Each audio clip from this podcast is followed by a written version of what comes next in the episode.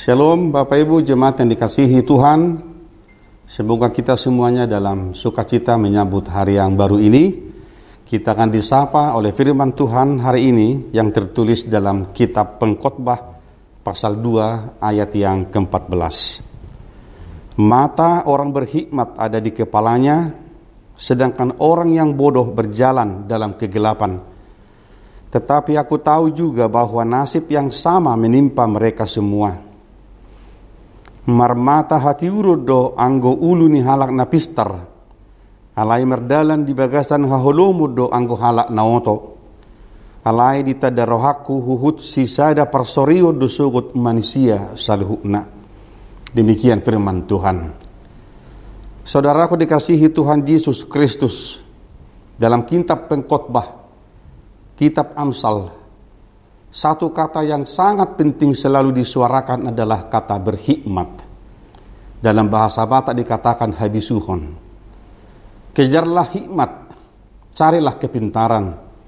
Sebab oleh hikmatlah manusia bisa menata kehidupan di tengah-tengah dunia ini. Maka kita pekotbah ini berkata bahwa mata orang berhikmat ada di kepalanya yang dipertentangkan dengan kehidupan orang-orang bodoh yang berjalan dalam kegelapan. Oleh karena itu, hikmat yang menghantar orang bisa memahami nilai kehidupan. Dan oleh karena hikmatlah manusia bisa berjalan dalam terang Tuhan. Tanpa hikmat yang daripada Tuhan, maka manusia akan mengalami kesesatan dalam kehidupan ini. Saudaraku, banyak persoalan kehidupan yang menimpa kehidupan manusia di dunia ini dan nasib manusia sama sebagaimana pengkhotbah berkata, nasib orang benar dan nasib orang yang fasik, orang yang hidup dalam Tuhan dan orang yang tidak hidup dalam Tuhan, semuanya nasibnya sama saja. Akan mengalami pergumulan, mengalami kesedihan, mengalami teriknya matahari dan sama-sama mengalami kematian.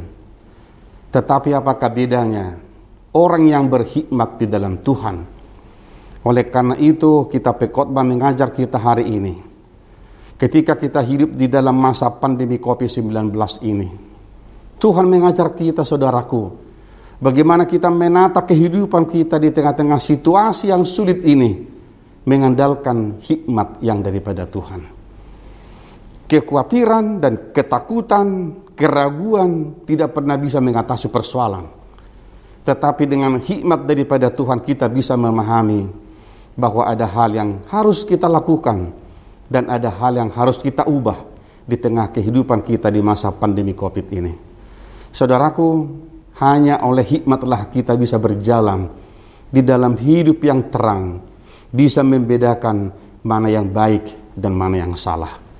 Oleh karena itu marilah kita melanjutkan kehidupan kita hari ini di dalam terang firman Tuhan, dalam hikmat yang daripada Tuhan, supaya kita dimampukan menata kehidupan kita lebih baik.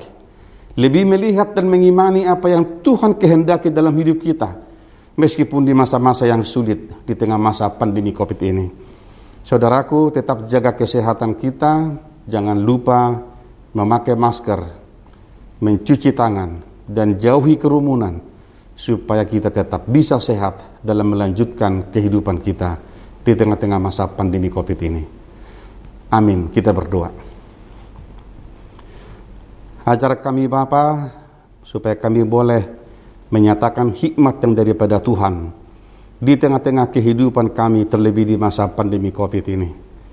Biarlah kami boleh berjalan di dalam terang firman Tuhan yang akan membawa kehidupan kami kepada hidup yang lebih baik. Di dalam Yesus Kristus kami berdoa dan mengucap syukur. Amin.